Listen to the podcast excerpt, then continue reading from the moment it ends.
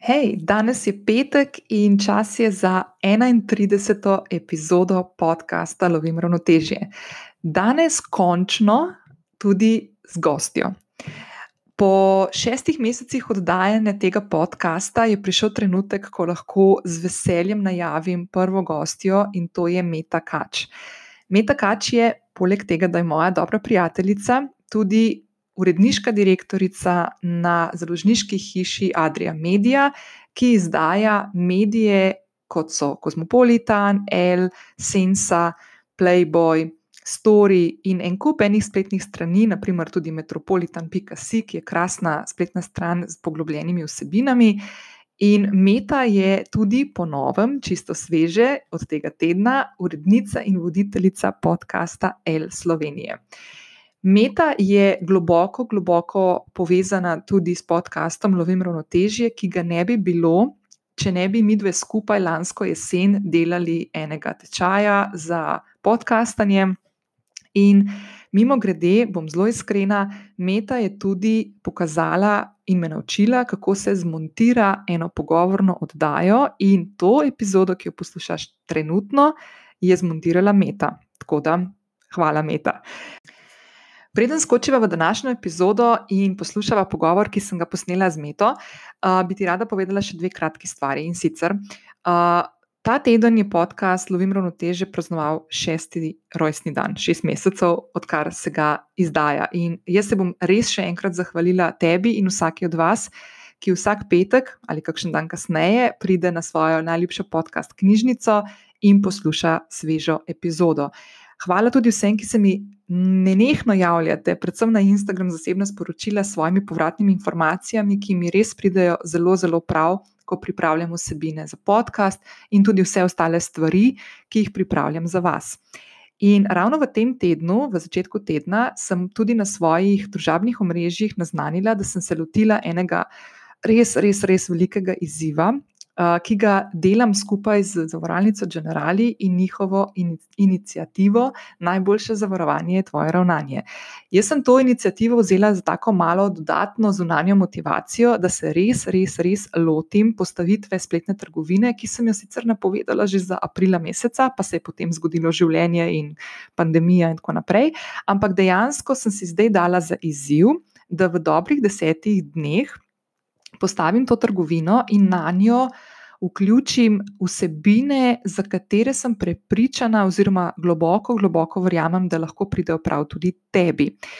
Uh, jaz sem že na svojem Instagramu v ponedeljek objavila tri sklope e-knjig, ki jih pripravljam, in tudi tebe tukaj pozivam, da mi lahko še v tem vikendu, če to poslušaš v realnem času, pošlješ svoje vprašanje, predlog ali pa morda idejo, ker želim to uh, vsebino, ki jo bom dala na spletno trgovino, čim bolje približati tebi in z njo odgovoriti na morebitna tvoja vprašanja.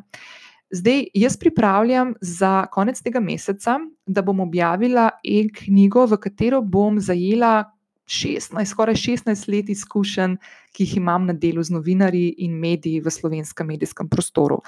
In vanjo bom ujela vse tiste stvari, ki morda zanimajo tebe kot podjetnico ali pa ustvarjalko nekih vsebin, kot so naprimer, kako pristopiti k novinarju, kako ste staviti zgodbo, da bo novinarja zanimala in jo bo dejansko želel objaviti v mediju, v katerem se želiš ti svojo zgodbo pojaviti, potem um, kako si postaviš cilje, na kakšen način pripraviš vse vsebine, kaj je dobro vse vedeti pri tem, ko se lotiš ene komunikacije z novinarji, kako tukaj poskrbiš, da tudi z medijskimi objavami, ki jih dosegaš, bdiš nad uh, tvojo digitalno prezenco, kar pomeni, da lahko s temi stvarmi si pomagaš tudi pri rasti obiska na tvoji spletni strani ali pa spletni trgovini, če jo imaš, še toliko bolj pomembno, kako lahko krepiš svoje družabna omrežja, kako lahko družabna omrežja uporabiš za komunikacijo z novinarji in kako uh, sodeluješ z digitalnimi vplivneži, ki so en, eden od pomembnih členov pri uh, grajenju podjetniške zgodbe. Uh, in današnji pogovor z Meto uh, je res krasno nadaljevanje tega razmišljanja, s katerim se zdaj v zadnjih dneh ukvarjam, ko pripravljam to vsebino za ta vodič, ker je Meta tudi v tem pogovoru, ki ga boš poslušala danes, uh, povedala ene par nasvetov, kako pristopiti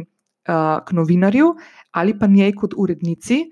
Uh, na kakšen način je fajn, da se jih kontaktira, svojo zgodbo, kako, kaj je fajn imeti v mislih, ko se lotevaš take komunikacije, kaj je fino, da narediš prej neko tako mini raziskavico, da veš, uh, kaj novinar dela in um, kaj objavlja medij, ki ga želiš nagovoriti. Tako da res ti svetujem, če te ta tema zanima, da poslušaš ta podcast, uh, ker bo uh, Meta zelo lepo odgovorila tudi na te stvari. Zdaj, druga stvar, ki jo pripravljam za tebe, in sem jo omenila že v prejšnji epizodi, ko smo govorili o omejitvenih prepričanjih, kako jih spoznati in kako jih preseči. Pripravljam tudi delovni zvezek na to temo in sicer peljal te bo skozi različne načine, kako ugotoviš, katere so tiste stvari, ki te v življenju omejujejo.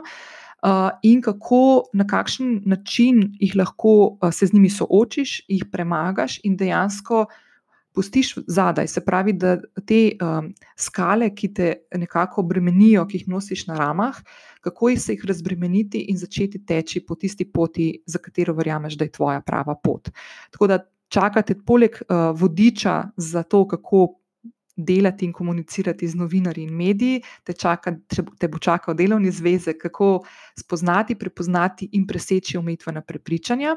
In tretja stvar, ki jo pripravljam, je tudi delovni zvezek, ki se bo pa um, nekako bolj ukvarjal s tem, kako pri sebi ugotoviš, kaj je tisto, kaj je tisti žmoht, kaj je tisto. Poslanstvo ali pa tvoj zakaj, Japonci temu rečejo ikigaj, kaj je tisto v tvojem življenju, kar dejansko želiš početi. Jaz bom povedala po pravici, da sem se s tem um, spoznanjem srečala lansko leto septembra in podcast je bil eno od teh spoznanj. Spravi, ko sem prišla do tega, kaj v življenju dejansko želim početi, uh, sem se odločila tudi za nadaljne korake in podcast je bil eden od teh. Uh, spletna trgovina, na kateri bom predajala vsebine in spoznanja in znanja in izkušnje v malo bolj strukturirani obliki, v obliki e-knjig in delovnih zvezkov, je naprimer ena od drugih, ena druga stvar, ki sem jo tudi takrat uh, se odločila, da bom naredila.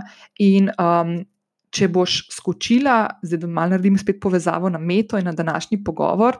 In uh, to, da se je v tem tednu v slovenskem podkastu Vesolju uh, uh, prižgala še ena podcast zvezda in to je El Podcast, ki ga urednikuje in vodi Meta. Uh, je tudi v tem prvi epizodi, kjer Meta gosti sogovornici Lorelo Flego, uh, voditeljico in modno poznavalko in modno urednico revije El Petro Vinšnurer. Uh, ravno Lorela je izpostavila, kako blazno pomembno v življenju je bilo spoznanje, kakšno je njeno poslanstvo, ker ji to pomaga pri vsaki odločitvi, ki jo sprejema v življenju, veliki ali majhni. Vedno ve, kako bo na nekaj odgovorila, ali bo to ja ali bo to ne. O besedi ne, kot najbolj pomembni besedi v našem jeziku, smo že govorili v tem podkastu. In ta, to spoznanje, kaj je tisto, kar v življenju želiš početi, je lahko res odločilno tudi pri tem, da usvojiš besedo ne. Tako da toliko za enkrat, čas je, da skočiva v današnjo epizodo. Meta, najlepša hvala, da si bila moja prva gostja, in najlepša hvala tudi, da si montirala ta podcast, zato da je ugledal luč sveta na ta lep junijski petek. Preden skočiva v današnjo epizodo, še ena malenkost, ki jo vedno rada omenim in dodam. Ne pozabi, da te spodaj v opisu te epizode čaka tudi uh, povezava do zapisa, ki te že čaka na moji spletni strani in v katerega sem, tako kot vedno do sedaj, ujela vse informacije, ki smo jih danes uh, povedali z Meto v pogovoru. Uh, tako da ne pozabi skočiti tja. V tem, uh, v tem zapisu na moji spletni strani te čakajo tudi vse povezave do vsebin, ki jih Meta pripravlja svojo ekipo. Uh, v sklopu uredništev Adrija Medije, in čakate tudi povezava do L podcasta, da boš lahko videla, na katerih aplikacijah ga lahko spremljaš, ki lahko ujameš tudi njihove uh, zapise epizode, in seveda podpreš tudi ta podcast s svojo prijavo na njega, oceno in mnenjem.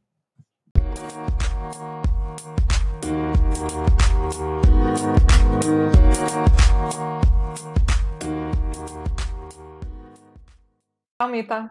Žiorina. Čau. Ej, moram ti najprej nekaj povedati. Povej. Um, da sem ful živčna, uh, tako prijetno živčna, uh, z metuljčki v trebuhu, ker ugotavljam, da uh, okay, prva epizoda pogovorna na podkastu Lovim ravnotežje, pa ne vem, če sem bila kdaj v vlogi uh, izpraševalca, razen ker sem s kakšnim naročnikom delala, pa sem pripravljala ga ali jo na kakšen intervju. Aha, okay, ni no. isto.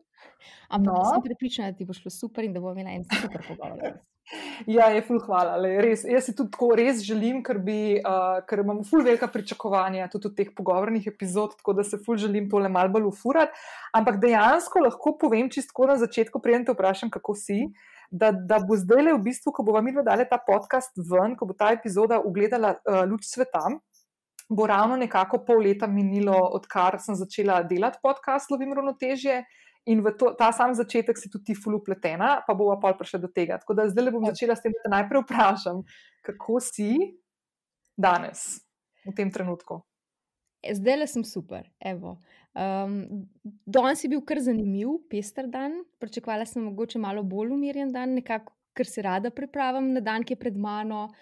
Poskušam si čim bolj zorganizirati urnik, splanirati stvari, ampak sej sama veš. Kukorkoli si splaniran, uh, lahko si zelo natančen, um, pa vseeno pridejo stvari, ki te presenetijo, ki se pač zgodijo, ki nekako uletijo, uh, pa ti to malo podrejo. No? Ampak uh, imam v redu, v redu dan imam. Vesela sem, Kako- da sem tle, no? tako bom rekla, da s tabo lahko govorim.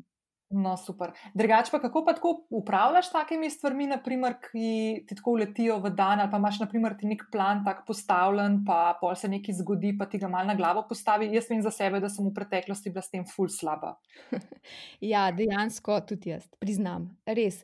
Um, take stvari so meni, ne vem, če so me v tistem trenutku močno izterile, ne zato, ker sem jih zagrabila, se z njimi začela ukvarjati, jih reševati. Um, in pač uh, so, sem vso svojo pozornost posvetila takim stvarem. Ampak uh, na koncu dneva sem ugotovila, ali pa mogoče na koncu nekega dolgega, daljšega obdobja, ko se je to konstantno ponavljalo, sem ugotovila, da mi v bistvu res veliko energije pobere. Uh, pa se mogoče v tistem trenutku sploh tega ne zavedaš. Um, zdi se mi, da, da, da dejansko lažje funkcioniram, če imam malo več reda pa ritma. In da potem tudi lažje sprejemam take stvari, ki mi, ki mi uletavajo. No. Je, pa, Mhm. je, pa, je pa dejstvo to, kar smo se mi dve mogoče že uh, neglih med snemanjem pogovarjali, da, da, to, da, da se s takimi stvarmi lažje spopadaš, ko v svoje življenje upelješ neke rutine, ki, ki ti prinesejo neko mirnost v življenju. Ne, absolutno. Sej tako, čisto en medklic, da poveva, da mi dve se praktično slišiva vsak dan. a? Ja, praktično res. Ja, ok. Ali pa večkrat ja. Pa večkrat na dan. Danes smo se zihar slišali ene trikrat. ja, verjetno. A, pa v bistvu niti ni bilo povezano s podkastom, ker tudi mene danes ena stvar vrgla malo iz tega in sem ti jo mogla malo podeliti, da se zgodi. Um, ampak ja, ne, ful mi je zanimivo, ker jaz, naprimer, ko se spomnim, men, mene so, mislim, se odvisno od kjer stvari, ampak včasih me je znala kakšna stvar res zarotirati, zdaj opažam tako, da se znam tudi malo ven postaviti. Um, iz tega nekega, neke situacije, ki se tako dogaja, in jo proba gledati tako kot malo izven telesno, pa malo Mhm. bolj realno, ali pa ne, ali pa ne navezano, ali pa neko čustveno. Uh, Probam da čutim malo na strast, sploh če gre za kakšne kritike ali pa za kakšne take feedbacke, ki jih ne pričakujem, ali pa, ali pa tako neka uletavanja nekih sporočil ljudi in tako naprej, ali pa kakšnih energij. Ampak Mhm. ja, uh, ful je zanimivo. Ne, hodila sem to povedati, da, midve, da, bo, da bo dala en tak uvodek, no, da mi dve se drugače uh, veliko slišva, uh, ker druživa, so prijateljci. Um. Ja, jaz, ko sem se, ko sem se malo pripravljala in razmišljala o tem, uh, kaj bi te vprašala, pa moram reči, da sem tako probala biti čim manj, um, čim manj nekih takih vprašanj, sem si hotela tako napisati, da, da, se, da, da, mi, da, mi, da mi stojijo kot neke. Uh, kot neke točke, kaj točno bi te vse vprašala, zato ker hočem, da je res tak pogovor, ki tako teče organsko, prijetno, tako kot se sicer mi pogovarjava. Zato, da tudi mogoče poslušalka na drugi strani, ki to posluša, dobi občutek, da je z nama na kavi ali pa, ali pa na gin toniku. Ne, No, ne. No, ampak veš, kaj sem ugotovila? To, kar smo se mi dve pred kratkim že pogovarjali, in to je, da, um, bado, jaz ko smo v glavi, da ti ne bom skakala v besedo, ker to rada počnem, Uživo. Tako da se ful pazim. Um, ne, ampak uh, to smo se mi že pogovarjali, da kljub temu, da se poznava in da si ti ena od oseb v mojem življenju, s katero imam take res globoke debate, ne, tako poglobljene in uh, ogromne ene samo refleksije, delava po mojem kar obe, ki se pogovarjamo. a ne. Ja. Uh, da v bistvu jaz v tebi ful mal stvari tako vem iz tega, iz tega tvojega dela življenja, ki te še nisem poznala. Pa rečemo, da se mi tako poznava dalj časa, ampak tako, da se pa dobivava, pogovarjava, pa da smo neko prijateljsko vest stkali, je pa to zadnje 3-4 leta. Tako je. Tako, je, ja. Okay. tako da jaz sem še zdaj malo nazaj, meta. Tako, ful nazaj. Tako, ne, ful nazaj. Ne, veš kaj, tako, Preden, ne, preden grem tja nazaj, sem ti hodila še eno stvar. Ker sem te gledala, vprašala, kako si danes, pa si rekla, uh, da se ti to pa to zgodilo. Ampak, ok, kje je pa ena, aj kakšna taka lepa ali pa najlepša stvar, ki se ti do tega trenutka zgodila, pa dan je itak še ni končan, ker ni še niti štiri popoldana. Ne? Ampak, mm -hmm. aj je kakšna taka stvar, ki se ti pa danes zgodila, pa lahko rečeš, o, to je pa ful lepo bilo, uh, ful sem vesela, da sem pa to doživela. Mislim, mogoče bom zdaj tako mal. Um spiritualno izpadla, ampak veliko takih stvari se mi je danes že zgodilo. Uh, od tega, da sem zjutraj danes se kar dobro spopadla z meditacijo, pridejo boljši pa slabši dnevi, ki ti misli plavajo sem pa tja, danes se mi je zdel tisti, ja, ok, res sem bila sfokusirana vse to, v miru se je odvila in tako na ta način. Do tega, da smo imeli v bistvu uh, za sodelovkami tak en prijeten Skype call, kjer smo šli čez, čez vse stvari, ki nas nekako čakajo, zdaj v prihajajočih dneh. Uh, pa se vedno se mi zdi, da se, da se po takem pogovoru bolj počutim, ker si pomagamo, svetujemo, tako nekako ta energija za te, mislim, zakroži med nami. No? Uh, pa, pa potem, uh, ko sem se peljala um, po ulici s kolesom, sem videla dva kosa, ki poplesavata, pa sta se mi nekako vtisnila tako v spomin kot ne, neka taka zanimiva um, stvar za videti. No? Tako, e, pa ti tako, naprimer, um, odkar ti meditiraš, si opazila, da take stvari v okolju, kot sta naprimer dva kosa, ki poplesavata, ki se peleš s kolesom domov. A, a se, imaš občutek, da si na take stvari zdaj, odkar tudi meditiraš, bolj pozorna, pa jih bolj opaziš, kot si jih kadarkoli prej, ali, ali je to bilo že odnegdaj? Absolutno. Zdaj, ne vem, če je čist, čisto samo z meditacijo povezan, Ampak ja, je pa velik del, verjetno, ima meditacija velik vpliv na to. Absolutno. Veš, kaj se mi zdi, mogo, nekoč, že dolg časa nazaj sem opazila, ker sem nekako te svoje rituale upeljala v svoje življenje, da sem začela opaziti, da je nebo bolj modro, da so drevesa bolj zelena, da so rože bolj intenzivne, um, da opažam kose, ki poplesujejo. Tako, take stvari. In, in mi je v bistvu iz tega sem nekako prišla do spoznanja, da sem, da, sem, da potem v dnevu, v vsakem trenutku, v bistvu lahko najdem nekaj lepega, nekaj mhm. prijetnega. Se mi zdi, da je to meditacija, da, da v bistvu te nekako uči, da v vsakem trenutku uh, si bolj prisotna, karkoli pač počneš, aj to vožnja s kolesom po mestu ali pa Skype klic s sodelavkami, naprimer, pa si ja. v tistem trenutku res tam. Ne? Ja, definitivno se mi zdi, da sem opazila, sicer ne, ne, ne opaziš teh stvari čez noč, ampak kar naenkrat se pa zavedaš, tako, da recimo, ko si na kakšnem mogoče malo bolj intenzivnem sestanku, kjer se pogovarjaš kakšne neprijetnejše stvari, koliko bolj si umirjen, prisoten, koliko spremljaš, kaj se dogaja okoli tebe in koliko manj intenzivno uh, čustveno odreagiraš na vse, kar se zgodi. Sprejemaš, da človek nasproti tebe trenutno morda je zelo razburjen, uh, ne vem, uh, je zelo. Eh, govori na način, ki tebi, v, mogoče pred petimi leti, bi v tebi zbudil zelo obrambni mehanizem ali kaj takšnega, pa tega več na ta način ne dojemaš in potem tudi drugače reagiraš. Itak, ja, ja. ful dobro. No, da best. Super. Wow, pa pa gremo zdaj tako globoko. Zdaj smo že, pa, smo že šli noter. Okay. Zdaj pa, kot sem rekla, napovedala, gremo malo nazaj. Tako, se pravi, malo na tvoje mogoče malo na otroštvo, čisto odkot prihajaš, pa če lahko samo malo poveš, ok, si iz Ljubljane, si tudi živiš. Mhm.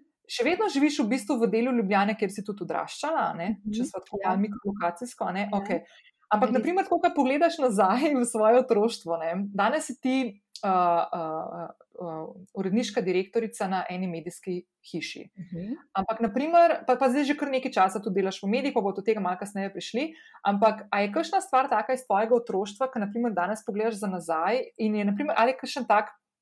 Ali je kakšna zgodba ali kakšen spomin, ki se ti zdi, da te je tako oblikoval, da se še danes lahko nekako poistovetiš iz tega, iz tega mesta, kjer se danes nahajaš, uh, s tistim trenutkom, ali je bila kakšna taka stvar, ki se ti je zgodila, ali pa kakšni odnosi, kakšen človek, mogoče v tvojem življenju, ki te je spodbujal v to, da si šla potem na to pot, ki jo boš mičken zdaj opisala, kaj se ti je dejansko zgodilo in kako si, jo, kako si šla iz mladosti v neko odraslo življenje. V bistvu je, v bistvu je zelo zanimiva zgodba to. Jaz kot otrok, pa zdaj govoriva po mojem tam. Ne spomnim se točno let, pa kdaj je to trajalo, pa kako sem se razvijala. Ampak jaz bi ocenila, da je bilo to pred osnovno šolo ali pa zač še začetek osnovne šole. Sem bila jaz izrazito uh, energičen otrok. Otrok je neprestano bil v pogonu. In obstajajo še posnetki na VHS kasetah. Hvala Bogu, ne vemo, kje te kasete so. Ampak so take velike kasete, strahovi, za tiste, ki ne vejo, kako izgleda. Um, obstajajo posnetki, kjer jaz neprestano svoje člane družine intervjujem. Jaz sem ah. hodila naokoli in sem jih spraševala o razno raznih stvarih. Pela sem v kamero, napovedala sem stvari, organizirala sem neke predstave, konstantno sem bila animator v družini, tako na ta način. Tako, ampak dejstvo je, da sem jaz to mal že pozabila. In če ne bi bilo teh kaset, se tudi tega ne bi tako zelo dobro spomnila. Bi, mislim, mislim, da ima sestrična, predvsem te kasete, hvala Bogu, živi nekje v Nemčiji, ne bomo razkrili lokacije, da ne bo kdo iskal. Ampak um, in smo enkrat po. Ne vem, res dolgem času prevlekli te kasete ven in smo jih pogledali. In jaz sem bila, iskreno, zelo presenečena, kakšen otrok sem bila. Ker potem sem v fazi, pozne osnovne šole, pa srednje šole, postala izredno introvertirana oseba. Ja, pa se je res zgodilo tako, da se ti je tako zgodilo? Ne, ne vem, mislim, jaz nimam v spominu, da bi se mi nekaj ful drastično zgodilo. Sploh ne. Ampak nekako sem vedno bolj postala taka, uh, rada sem brala, rada sem uh, tako svet spoznavala na nek svoj način. Težko opišem, no? ampak veliko, recimo, dosta sem bila v naravi, dosta sem bila na morju, uh, uh, tako tudi po več mesecev med počitnicami in sem kar opazovala okolje, okolje oko, uh, ki me je obdajalo, um, živali, ne vem, ne bo. Vedno sem nekaj mhm. prebrala, neko literaturo, poezijo in te stvari. In se mi zdi, da sem živela v teh zgodbah in teh stvarih. Pa, čist, pa to zato, ker mi je takrat to pasalo. No? Vem, ni bilo tako nekaj, da bi se prav drastično zgodilo. Ampak zanimivo pa mi je ravno zdaj, ko si me to vprašala, da v bistvu meni je teta konstantno govorila, ti moraš iti novinarstvo študirati, ti moraš iti v novinarstvo. Pa se, jaz tega sploh ne spomnim, recimo, da bi mi to govorila. Ti nisi šla novinarstvo dejansko potem študirati, ne? ti si šla nekaj čist drugega. Ne, ne, jaz sem študirala novinarstvo in angliščino. A ja, si, a ja, ja sorry, ja, oh, šite, ja, ja, ja. angliščino mislim. Ampak definitivno je bila angliščina, ja, ampak angliščina je bila tisti moj prvi izbor. Angliščina mi je bila pisana na dušo, angliščina mi je še zdaj zelo blizu. In je to tisto, kar sem nekako že v srednji šoli ugotovila, da hočem se bolj poglobiti, v kaj se hočem bolj poglobiti. Novinarstvo je bilo pa pač nekako zraven. Vmes, iskreno povedano, sem že hotela nekako opustiti novinarstvo, ampak sem bila že tako noter, da bi bila traparija, da bi ga v tistem trenutku prekinila, ker bi mogla mhm. tako kot spite dodatne delati pa sem rekla, da bom pač to speljala. No. Tud, e, mit, ampak ti si, sorry, ti si delala novinarstvo še po tistem predbolonskem sistemu. Ja, ja, jaz sem bila zadnja diploma. Zadnja, ja, jaz sem delala dve diplomi. Jaz sem bila še zadnja Aha. generacija, meni se zdi, da je lahko uh, to kombinacijo delala. Zdaj jezik, novinarstvo, mislim, da nista več kombinacija. No. Aha, ne, ker vem, da moja sestra tudi imela na novinarstvu, ampak ona imela, ni imela diplome na koncu. Kar se meni zdelo tako, jaz, ki sem bila tudi na isti fakulteti na FDV-ju, na komunikologiji, par let pred vama, ne, se mi je zdel čist me, grozen, da, da ne, meni se zdela diploma tako ena taka pečat na koncu, da se ja. mi zdi, kar, kar, kar neka taka inicijacijski obred. Mal je na ta način. Ja. Mal je na ja. ta način. In se mi zdi, no. da ti tudi vse nekaj da, no? tako. Jaz sem ful dobro, da si to imela. Ja, veš, ker, naprimer, jaz, ko pomislim na svoje, na svoje otroštvo, otroštvo, otroštvo, jaz, naprimer, nisem. Razen, razen, veš kaj sem danes, ko sem se pripravljala, ko sem se vozila v avtu, pa sem razmišljala, da se danes mi dve slišiva in to. Sem rekla, čakaj, kako bi pa jaz odgovorila na to vprašanje. Bila kakšna taka stvar v mojem trenutku, v mojem življenju. V bistvu je bilo v prvem letniku gimnazije, sem dobila, pa zdaj to, v, angli, v angliščini sem mogla nek short story napisati. Okay. Uh, in sem dobila, mislim, da je bilo od Cambridge University, so delali pa mislim, da je bil, pa ne, ne, ko se klical, vse ima neki unzvezek shranjen. Dobila sem celo nagrado in je bilo v neki publikaciji objavljeno, o držju sem pisala, kot nek tak, res kratek, kratko zgodbo. Ja, in naprimer je bilo takrat, takrat sem jaz imela to željo po nekem pisanju, ki ga pa nikoli nisem zelo. Začela se s tem ukvarjati. Mislim, v bistvu sem začela spet pisati in dobiti občutek, da rada pišem pred mogoče tremi leti, ko sem se začela malo bolj s tem ukvarjati. Spet. Vem, vem, sva se pogovarjali. Ja, Ja, ja. ja. ja. ja dobro. Ja, ja. No, No, jaz sem angliščino posnamela. ja naprimer, ja. To je bilo hilarno. Čak, najprej moramo tega. Ampak ja, ne, ok, se pravi, ti si šla, se pravi, otroštvo je bilo to, in potem si šla, in potem si šla proti, ok, proti. A, a je še kakšna taka stvar v otroštvu, ki se ti je tako zgodila, ker naprimer se danes spomniš nazaj in rečeš, koliko dober, da sem pa takrat to doživela, ali pa, ali pa to je en od lepših spominov na moje otroštvo, pa na kakšnega človeka, tako ker rečeš, wow, to pa res bilo tako ful. Tak pomemben mozaik v celi moji življenjski poti do zdaj. Mislim, veš, kaj se mi zdi? Ker rečemo mozaik, pomemben mozaik, se mi zdi, da mora biti to nekaj takšnega, ki se ti življenje drastično spremeni. Take stvari se mi niso zgodile. Imam pa zelo intenzivne in lepe spomine na kakšne stvari. Predvsem veliko sem potovala, na srečo, in imam kakšne take zanimive spomine. Prav spomnim se enkrat, jaz, jaz po mojem, sem bila še v osnovni šoli. Pa na- je mene, pa mojo sestro, teta peljala na izlet v Firence. In smo šle in smo tam, um, in mislim, da smo bile kar dolg čas, kakšen teden, šle smo v kamp, smo imeli šotor in vse to. In je bil en trenutek, ko moja teta je bila taka, ena izmed bolj inteligentnih ljudi, kar sem jih jaz v življenju spoznala. In recimo je bila razgledana in je tudi rada, zelo rada imela rože. In mi smo Mhm. imeli kamp, sej, mislim, bi bila malo huda name, da to govorim, ampak mi smo imeli kamp zraven nekega botaničnega vrta. In en večer ona pride do naj in reče: Punce, če se boste po noč zbudile, pa mene ne bo, ne se ustrašiti. Mi dve gledamo, kaj pa je. Ne? Jaz bom sam šla tlele čez tole ograjo po ene rožce. Malo rabutati. Pravno rabutati. No, in pol pač res po noč mi dve spiva in kar naenkrat začne nek alarm zvoniti. Pa mi dve ne veva, zdaj ne vem, ali je bil alarm povezan s tem ali ne. Sami dve so bile tako zelo čist, čist tih so bile, pa tam gledale, ni res ni bilo. Pa sam tako me sem malo ven pogledala, ali Maja, z moja sestra, si ne vem več točno kdo. Pa je sam teta čez ograjo metala neke rožice. Ki jih je naravnala. In to je bilo to. Recimo, to mi je en tak intenziven spomin, ki ga imam na teto, ki ga imam na to potovanje, ker drugače potovanje tako intenzivno sploh ne spomnim. Tok sem bila mlada, recimo. Ne? Um, in z njo smo mi dve veliko prepotovali, pelala nas je tudi na Češko, Slovaško, Poljsko, recimo. Ne?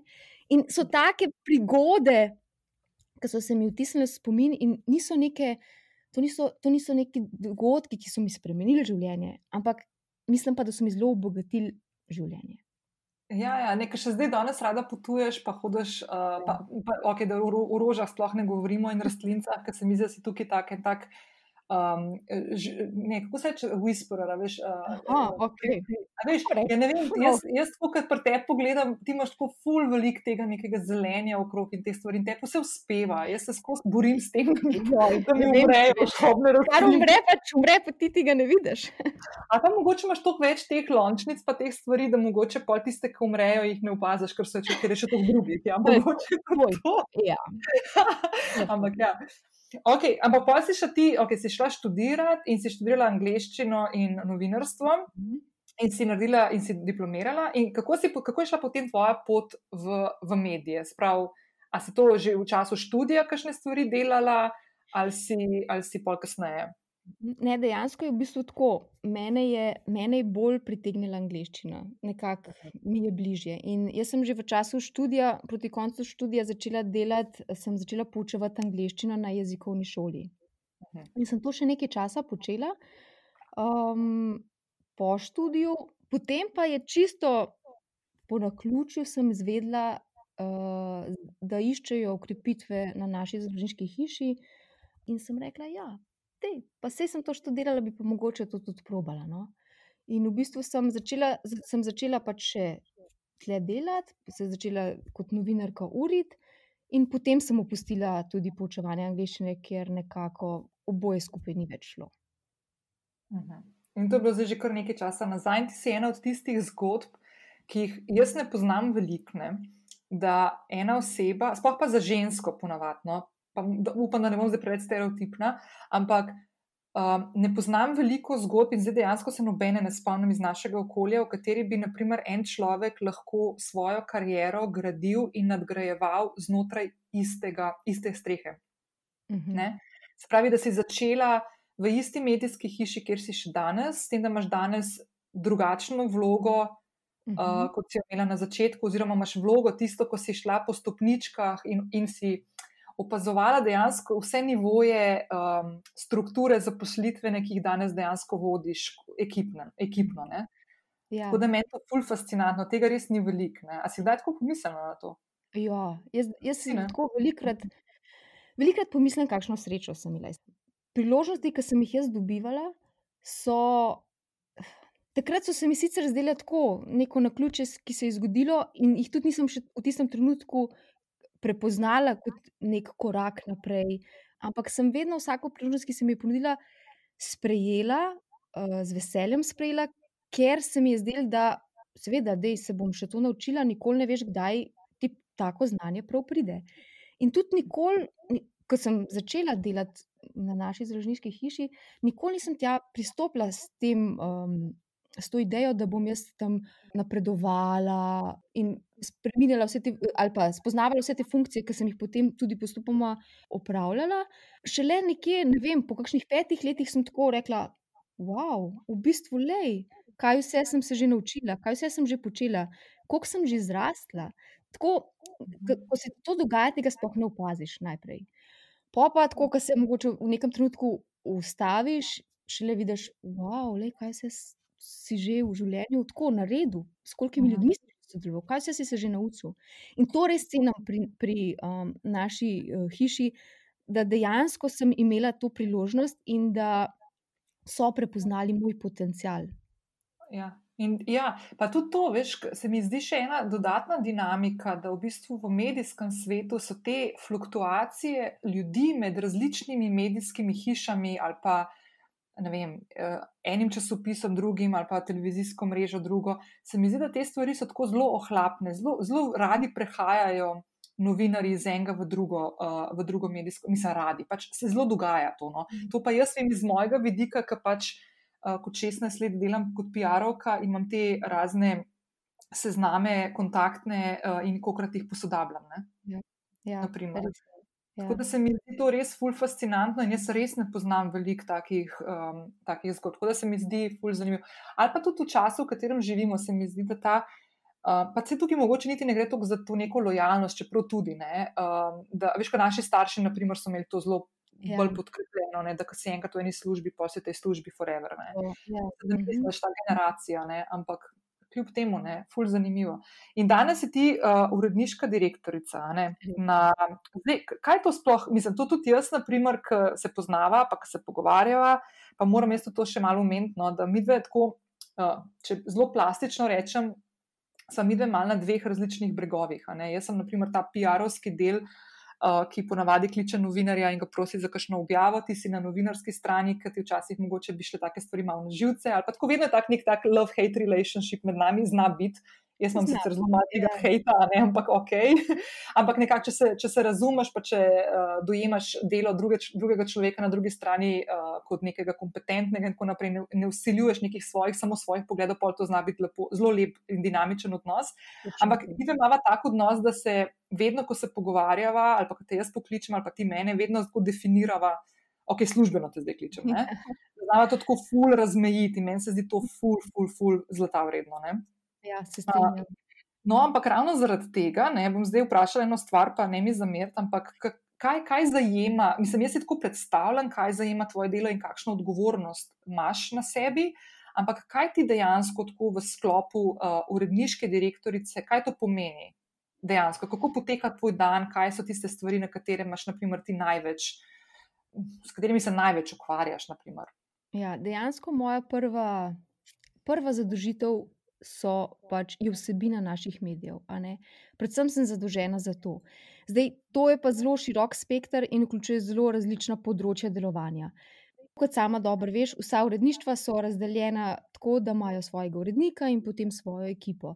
Jaz skupaj z uredniki, pa tudi dosti krat z samimi ekipami, nekako skrbim, da se ta vizija ali pa um, neka rdeča nit brenda primerno razvija, da se skrbi za njo, zato da ne zaide iz poti, da se samemu mediju dodajo mogoče tudi kakšne druge stvari, kot so dogodki, in da, da stvari predvsem tečejo normalno. Zdaj, če gledamo, kaj v dnevu počnem, je to zelo, lahko zelo operativna stvar. Usklajevanje dela med samimi oddelki. Vse veš, kako je to. Na eni strani imaš novinarje, imaš tiste, ki postavljajo revije, tiste, ki pišejo za, splet, za spletne strani, uh, fotografi, celotna produkcija tukaj poteka. Močno sem pa tudi upletena v samo neko. Ustvarjeno strategijo za brand, ki pa vključuje tudi razno razne dogodke, dan danes sam medij, mhm. ni, mislim, je zelo obogaten še z drugimi uh, aktivnostmi. No? Tako da je zelo odvisno. Imamo pa tudi veliko licenčnih revij, kar pomeni, da sem veliko v navezi tudi z licencodajalci. Um, da skrbim, da, da komunikacija teče, da delamo v skladu s tem, kar licenca zahteva. Tako, na ta način. To, po, no. to pomeni, če dava plastičen primer v medijski hiši, v kateri si ti zaposlena, izdajate naprimer reviji Cosmopolitan in L. In, ali pa, pa Playboy, ne? to so licenčne, licenčne ja. izdaje, kar pomeni, da ti tukaj moraš bdeti nad tem, da skrbiš, da naša edicija slovenska, um, da obkljukaš vse stvari, ki jih pričakujejo lastniki teh blagovnih znamk, in po drugi strani, da pač so noter tudi vsebine, ki so. Pa tukaj gre lahko za vsebine, ki jih tudi iz drugih, naprimer, edicij, kdaj kašno potegnete noter, ker bi bila zanimiva za naše bralstvo. Ja. In da se ustvarja neke vsebine v našem okolju, zato ker pač je treba lokalizirati, da je publiki, ki to bere in kupuje, zanimivo na koncu. Absolutno, ja. Tudi vsebine, recimo, če je kakšna vsebina, ki je mogoče ali kot navdih, ali pa, kot je, ali pa če je vzeta iz tujih edicij, vedno je prilagojena na naš trg. Ja, to se vedno trudimo. Ja. Ampak meni je ful fascinantno, ne, ker tako pomislim, da se probujem postaviti na tvoje mesto, kar mi je še vedno tako čist, uh, mislim, ne tuje, ampak to si, si, si ne znam predstavljati. Ampak, naprimer, um, da, bi, da bi imela sestanek zdaj le z uredniki in imaš ti tako res ful široko polje uh, enih medijev, s katerimi v bistvu upravljate in jih izdajate. Pa mhm. če gremo samo na te tiskane, pa, pa je pa še en kup enih uh, spletnih stran, stvari, plus bo pa še nekaj drugega dodali. Ne? Je mhm. naprimer že to, da imaš ti naprimer, v istem prostoru človeka, ki je naprimer urednik Playboya, potem imaš urednico L, pa imaš naprimer urednika avtomagazina ali pa mhm. Sense. Meni je to čisto fascinantno, ker to so tako ful široka polja. Ne? To je sicer res, ampak Jaz imam, mislim, mislim, da imam izredno srečo, ker so to ljudje, ki so med sabo tudi zelo dobro povezani. In dejansko mi je všeč to, ker ko si ti upleten v neko svojo stvar vsak dan toliko in toliko ur, včasih več ne vidiš cele slike. Včasih mhm. se malo v tem zgubiš. In meni je zato v bistvu zelo všeč, ker se uredniki tudi med sabo veliko komunicirajo in sprašujejo kaj pa ti misliš, kaj pa ti predlagaš. Ali pa uredniki sami od sebe pridejo s kakšno zanimivo idejo za neko drugo uredništvo. Razmišljajo zelo široko. In v bistvu že sami urednik, z uredniki delujemo kot ena taka ekipa, ki konstantno razmišlja, kaj je najboljše za vsakega od naših brendov. Seveda se potem vsak urednik fokusira svoj, na svojo stvar, pa se jih posveti, pa gre v drobove vsega tega. Ampak nekako vsem se mi zdi, da smo povezana ekipa, ki sodeluje na tak lep način. No, tako, da se mi zdi, da, da vsak v bistvu tudi brend, za katerega morda ne skrbi, ga zelo ima pri srcu, pa pazi na njega. No.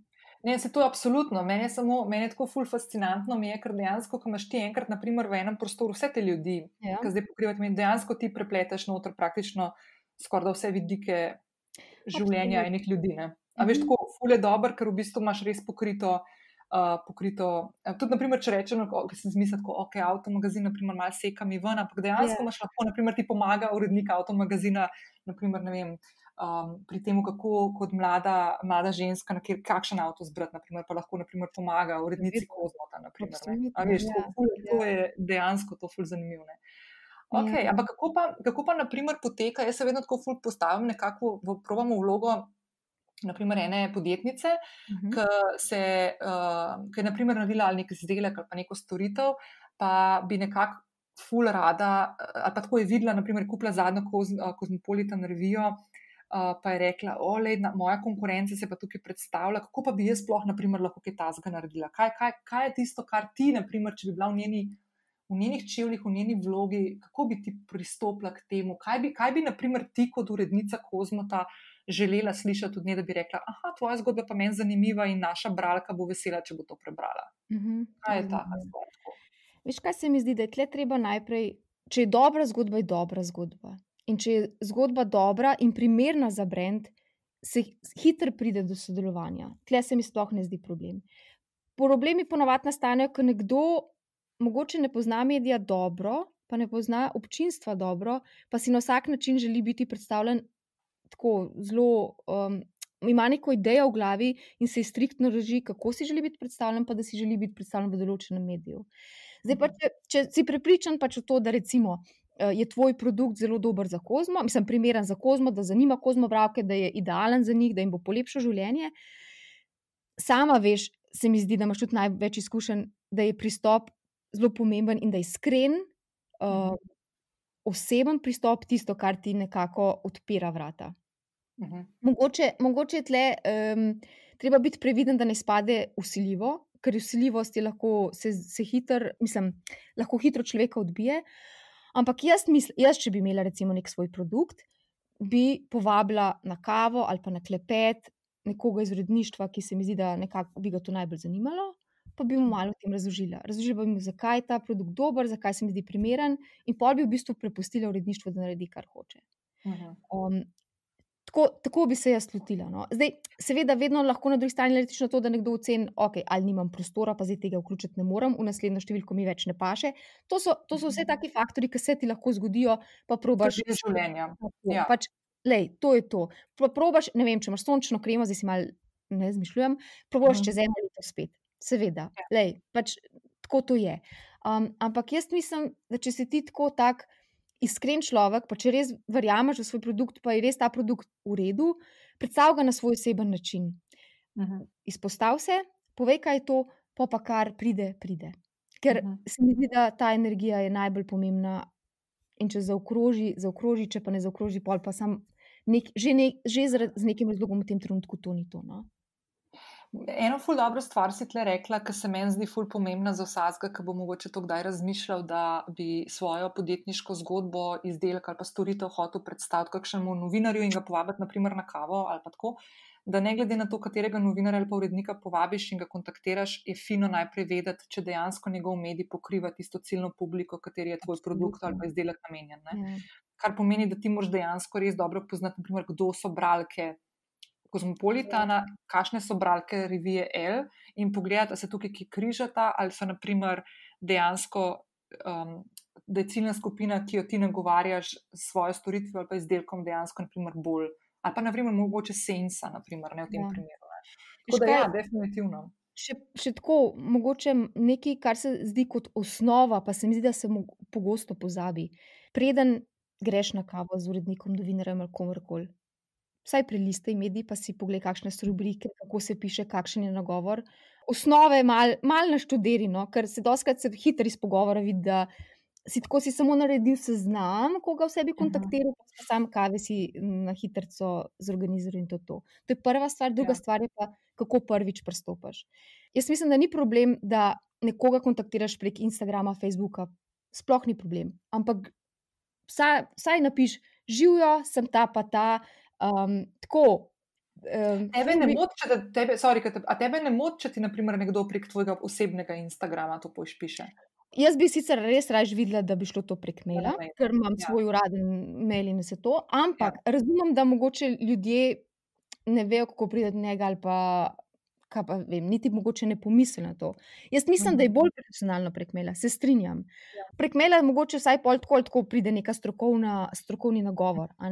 Ja. Se mi pa zdi, da se doskrat zgodi prek socialnih omrežij, da vsi mislijo, da si dopisujejo z sosedom, -hmm. uh, ker ni treba niti, vse ni potrebno navesti vse potrebne informacije. Ja, jaz mislim, da nimaš prvič, nimaš niti mogoče toliko prostora uh, v nekem zasebnem sporočilu, ne vem, konkretno na Instagramu, rečemo, si malo omejen. Uh, Pa druga stvar je to, kar si ti rekla, da dejansko en kup enih stvari ne moreš dati zraven. Ne? A veš, v mail še vedno lahko daš kakšno priponko ali pa karkoli takega. Ja. Pa druga stvar, ki je mogoče jaz tukaj mal, zakaj sem jaz mal pristaš tega, da, da to včasih res ni, razen če z nekom imaš že nek odnos, ajde, pa da si že imela mm -hmm. kakšno komunikacijo z njim, z njim ali z njo po Instagramu ali pa Facebooku ali kakorkoli um, da se mi zdi, da gre tukaj malo za to intimnost. Veš, mm. Meni se zdi, naprimer, men se zdi, da poslati uh, SMS sporočilo ali pa zasebno sporočilo na privat kanale uh, družabnih omrežij, se mi zdi že zelo, zelo, zelo osebno. Um, in hitro je lahko to meja, da začneš sporočati. Stvari, ki mogoče se ne zavedaš, pa so lahko negativne. Ne? Res, ja. Recimo, ja. Jaz, jaz, če se moram poslužiti sama da je prvi kontakt se zgodi na socialnem omrežju, ponovadi to naredim tako, da napišem: Živijo sem ta pa ta, rada bi vas kontaktirala zaradi tega pa tega, ali mi lahko, prosim, posredujete svoj, svoj elektronski naslov, da vam več pošljem o tem, tja pa tja. Dobiš ja. mail in pol sem od tam, od tam naprej. Pa, to je super, ful dobro, ful dobro na svet. Pa jaz bi mogoče še to dodala, da, da tudi narediš lepo pozdrav na začetku, pa hvala na koncu, ker sem tudi te stvari zelo doskrat tako. Um, A veš, e, razne eno, eno besedna sporočila, kot ti nekdo na stori napiše recept, uh, ker si nekaj objavil hrano. tako kot je štekam, kaj. Ja, veš, ja, uh, tako da ja, da mogoče, ok, ja, ja, valjda. To, to je, Mislim, osnovni bonton, to, če, to, če gre za poslovno sodelovanje ali pa poskus poslovnega sodelovanja. Se je treba tako obnašati, po mojem mnenju. Mogoče sem malo stara, kupitna, ampak jaz mislim, da tako dlje prideš. No? Ne, se malo smo generacijami druga, definitivno, ampak po drugi strani je pa res, da ne glede na to, da um, mlajše naše predstavnice ali pa, ali pa poslušalke, da, da mogoče so imajo to hitrejšo komunikacijo in tako naprej. Uh, mislim, da to, kar smo zdaj povedali, ni neki taska, kar bi v bistvu fully stopalo iz tega, ali pa se ne bi dalo upeljati v ja. nek sodoben način. Tako da se mi zdi to čisto legitimno, meni se zdi to čisto na mestu. Tako da, ja, definitivno. Ja. Ok, a veš, kaj sem zdaj? Mi smo tako zelo počasi postajamo, uh, prihajamo nekako v neko normalnost nazaj. Pa jaz se ful ne bi dotikala tele, uh, tega obdobja, ki smo ga dali mhm. čez, pa to. Ampak veš, kaj me zanima? Zdaj vstopamo v juni, se pravi, kmalo bo polovica leta za nami. Ne? A si ti kakšno, um, si kakšno spoznanje, ali pa te je kakšna stvar presenetila v zadnjih teh mesecih leta 2020, ali pa neko spoznanje, ja, spoznanje do katerega si prišla, naprimer? Ki te je v bistvu ful presenetilo, razveselilo, pa ni treba ga povedati, če nočeš, um, ali pa kakšno tako stvar, ki mogoče te negativno presenetila. Um, ali lahko tudi kakšno tako stvar, mogoče zdaj tudi v času karantene, konc koncev, ko smo se ful sami sabo veliko ukvarjali. Ja, razumem. Ja. Jaz, predvsem, mogoče v tem času karantene, sem ugotovila, da, da mi rutina še toliko bolj paše, da sem toliko bolj produktivna, in lahko naredim veliko boljše stvari, če mi ni treba skakati sem pa tja. To sem, to sem ugotovila in tle se mi zdi, da je. Da, da Gre to malo skupaj s tem načinom življenja, ki ga imamo, a ne pa telefon zunaj, pa malo hitreje greš na Instagram, pa malo mail odgovoriš, pa en ti pride skozi vrata, pa stacionarni telefon začne zvoniti. In dejansko sem gotovila, da mi to na trenutke, če tega v določenem obdobju preveč, da mi na trenutke mogoče malo kreativnost zaustavi ali pa jo tako nekako zablokira. Sicer mi je bilo težko biti toliko časa doma, skozi na enem mestu, to, to res, jaz rada hodim v službo, to bom vedno povedala, uh -huh. ker mi je mhm. všeč, da ti tam ostaneš in tako greš in tam je pol super in si z ljudmi, in pa greš domov in se imaš tudi doma fino. Ampak to, da si sfokusiran in prisoten pri tem, kar delaš. V bistvu, no. Ta, to ja. sem pogledala, da vedno bolj sem začela ceniti in da dejansko prinese lahko boljše rezultate. In mhm. nekako upam, da je to veliko ljudi uh, razum, nekako spoznalo, da bi lahko probali vsi na tak način čim bolj funkcionirati. Je pa to zelo težko, ko te enkrat začnejo vse informacije pa državi bombardirati. No. Mhm. Ne, se to je dejansko, mislim, ful zanimiva stvar. Tep se v bistvu, um, ja, ti si, ti si ugotovila skozi rutino, da lahko nekako spostavljaš in držiš nek ta tempo na novo odkrit v neki situaciji, ko si od doma delala. Ne? Ker pri meni je bilo pa kontra. Ne? Pri meni je bilo pa to, da sem zdaj le v tem trenutku, naprimer, se vračam nazaj k svoji neki rutini, ki mi je, naprimer, med karanteno, ko sem sicer navajena delati tudi doma in delati sama, v, v, v, za razliko od tebe, naprimer, ne, pa bi lahko rekla, da sem tega bolj navajena. Ampak meni je, šlo, meni je šlo vse v cvet pod mače, tako da se vse na glavo postavilo, sploh ne prve dneve. O, prvi dnevi so bili tudi pri meni stresni. Ne, ne, ne, No, no, to je bilo za vse. Ampak tudi po, je pa dejansko res, da kaj smo se naučili. No, to pa tudi jaz potrjujem temu, kar, to, kar si ti rekla. Ne, da, da dejansko smo se, po mojem, vsi malo naučili, da ogromno enih sestankov ali pa kavic ali pa tega lahko postane telefonski klic ali pa, ali pa e-mail. Mhm. Uh, jaz sem, na primer, prišla do spoznanja, uh, da res lahko se preselim tudi kam drugam na svetu za par mesecev, Mhm. uh, pa delam od tam, ne, ker sem imela neko.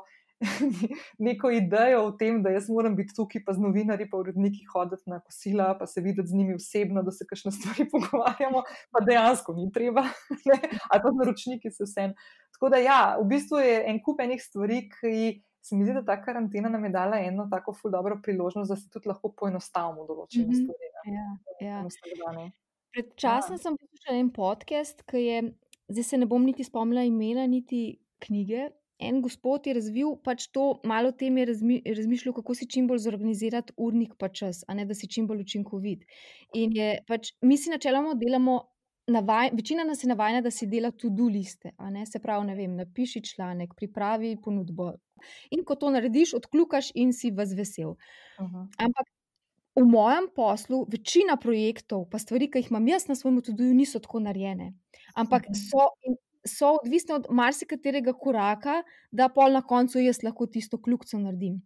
In, Mhm. in sem se dolgo časa počutila neučinkovito, ker kljukce na koncu dneva še vedno nisem mogla narediti. In me je na nek način to frustriralo. In je on v bistvu je zelo lepo razvil, da bi si v bistvu mogel narediti urnik po urah. Se pravi, ti se moraš odločiti, kaj so tvoje prioritete, kaj je pomembno, kim daj imaš roke, in potem si v bistvu določiti, ok, v sredo od 9 do 10 bom se ukvarjal s tem. Od Mhm. 10 do 12 bom pisal ta pa ta članek. In v bistvu konstantno ti napreduješ, delaš, so rezultati, ampak percepcijo svojo spremeniš do te mere, da pač vse ne, se ne sfokusiraš samo na to, da je na koncu una kljukca, ampak da stvari tečejo naprej in bojo potem na koncu tudi, seveda, narejene. In to mi je zelo zanimiv pristop k delu in ga poskušam vedno bolj upeljati tudi v svoje delo. No. Ej, to je dejansko isti išil. Isti išil sem imela jaz, zato ker tole obklukavanje lahko za sabo potegne, ko ne moreš narediti kljukce, zato, ker, kot si ti rekla, eno kljukco, ki si jo tam napisal, sestavlja en kup enih korakov, do katerih moraš priti, pa niso odvisni včasih samo od tebe, ampak je mogoče vključena še ekipa, ali pa naprimer, ne vem, dežuje, pa nisi mogla iti tja, ali karkoli tazga, ne, in pa si zafrustriran, ne, enih frustracij zna povzročati. Ne. In um, tale time batching, zdaj, ki sem jaz se tudi ful ukvarjala. Um, v bistvu sem ful vesela, ker ta tale, uh, niz serij o produktivnosti, ki sem jih objavljala na podkastu, um, sem ga v bistvu začela. Ne vem, če je bilo kdaj tako odziva na epizode podcasta, kot na te, uh, od poslušalk, ki so v bistvu mi sporočale, kako jim je to pomagalo. ne. In jaz sem dejansko se tega lotila, zato ker sem imela jaz v času karantene, kot sem rekla, razpad sistema. Ja. In sem si hotela nekako postaviti neke stvari in upeljati neke, neke modele, um, ki so mi v preteklosti povzročali sive lase in sem se jih na. Nadalječ hotela izogibati, naprimer, kakšne asane in podobne stvari. Ne. In Ja. dejansko sem ugotovila, da time batching, se pravi, da ti, da ti pogrupiraš mogoče stvari, da si, neko, da si nek čas vzameš za Mhm. določeno stvar narediti. ne. To, če, če ti to delo res omogoča, ker vsakmu s- verjetno ne. ne. Ne, absolutno. Uh, ja. ampak, če imaš ta rečva luksus, ne, da si to lahko privoščiš, je to lahko ful dobra stvar. Ja, ja, jaz se da ja. strinjam. Eno dobro stvar si omenila uh, v prejšnjem, v, zdaj v zadnjem delu, ko si govorila o, o tem, um, kako, si, kako si pogrupiraš svoje stvari v koledarju. Si, si rekla, da si poslušala en podcast. Ne? Zdaj pa bova mi dve se malo tega še lotili, ne? uh, da je L. Uh, prišel ven, uh, slovenska edicija revije L, uh, je Mhm. prišla s svojim podcastom in urednica tega podcasta si ti. Res je. Tako je. Ja. In? No, Meta, kako pa je do tega prišlo?